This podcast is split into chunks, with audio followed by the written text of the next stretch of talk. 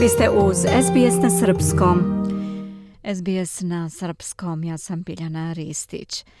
Federalna vlada je uvela niz izmena koje se odnose na međunarodnu studentsku vizu kao deo velike revizije dugoročne migracione politike. Desetogodišnja strategija ima za cilj da prepolovi ukupan broj migranata koji će ući u zemlju naredne dve godine i nastojaće da privuče više visoko kvalifikovanih ljudi kao i više ljudi koji bi radili u prioritetnim industrijskim granama, piše Edwina Gajnan za SBS News.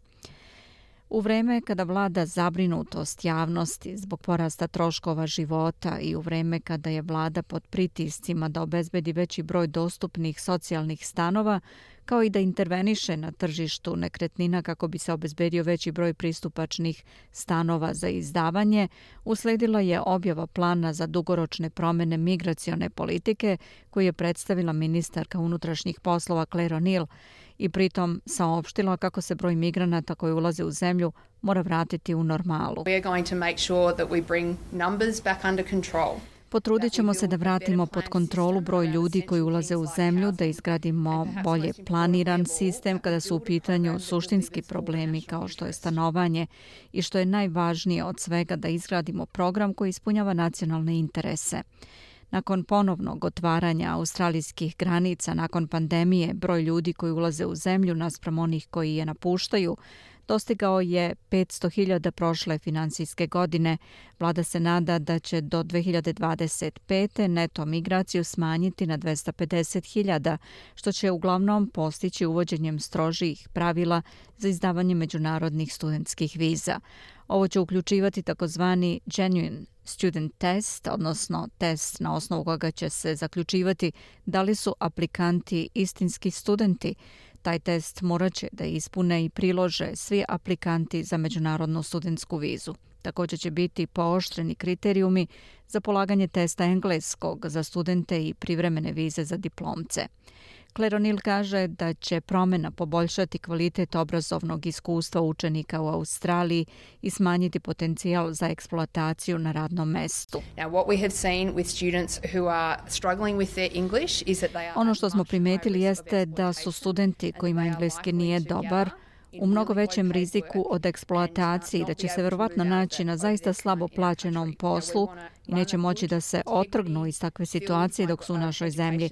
Sada želimo da ovde vodimo dobar obrazovni sistem ispunjen integritetom, ali također želimo da studente uputimo ka uspehu, a ako im dozvolimo da uđu ovde bez funkcionalnog engleskog koji će im omogućiti da rade, nećemo u tome uspeti, rekla je Claire O'Neill. Promjena je izazvala različite reakcije međunarodnih studenta. Hari Koral završava magistarske studije marketing menadžmenta na Australijskom nacionalnom univerzitetu i on podržava ovaj potez. Bukvalno mislim da je sasvim neophodno biti veoma iskren kada dođete u zemlju u kojoj engleski jeste službeni jezik, morate ga dobro znati ali Kelly, koja je došla iz Kine na postdiplomske studije iz hemije, kaže da visok nivo govornog engleskog nije od kritičnog značaja za njeno istraživanje. Uh, Većinu vremena samo treba da čitamo da bismo radili eksperimente i redko trošimo toliko vremena na komunikaciju sa drugima, kaže Kylie. Novi plan za migraciju također ima za cilj da smanji broj ljudi sa privremenim radnim vizama. Ta viza će biti zamenjena novom vizom na koju će dolaziti ljudi sa traženim kvalifikacijama u Australiji.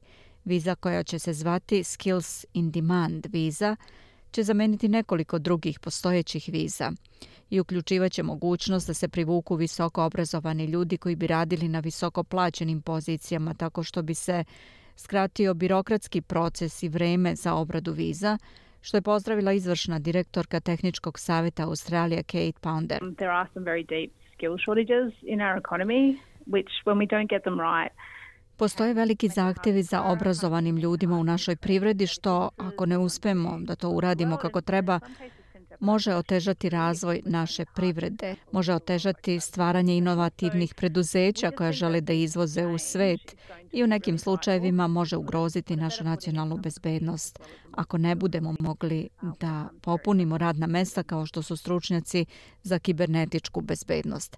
Smatramo da će ova promjena biti od vitalnog značaja kako bismo se našli u dobrom ekonomskom položaju, kaže ona.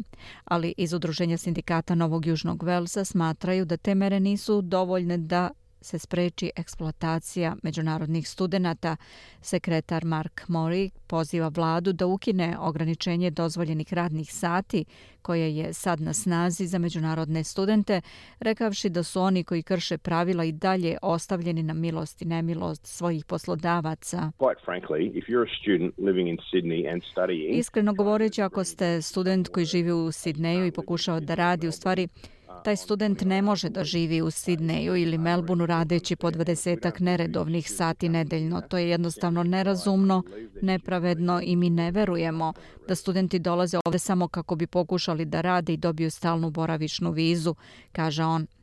Neki okrivljuju nivoje migracije za veće cene stanovanja i niži kvalitet života u urbanim centrima.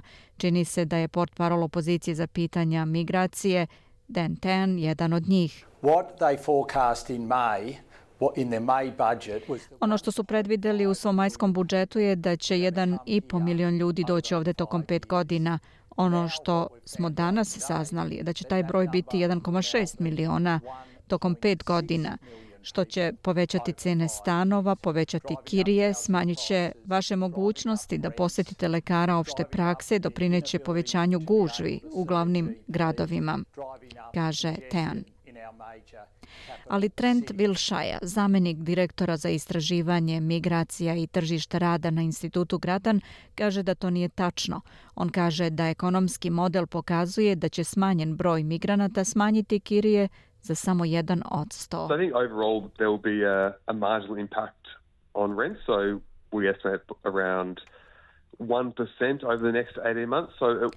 Sve u svemu imaće marginalan uticaj na zakupnine. Procenjujemo oko 1 procenat u narednih 18 meseci, tako da će to malo pomoći. Ali glavni adut za smanjenje kirija na duži rok jeste izgradnja više stanova ali kratkoročno se također može učiniti više, tako da će stvari kao što je dalje jačanje pomoći Commonwealtha za iznajmljivanje pomoći ekonomski najugroženijim ljudima, rekao je Wilshire.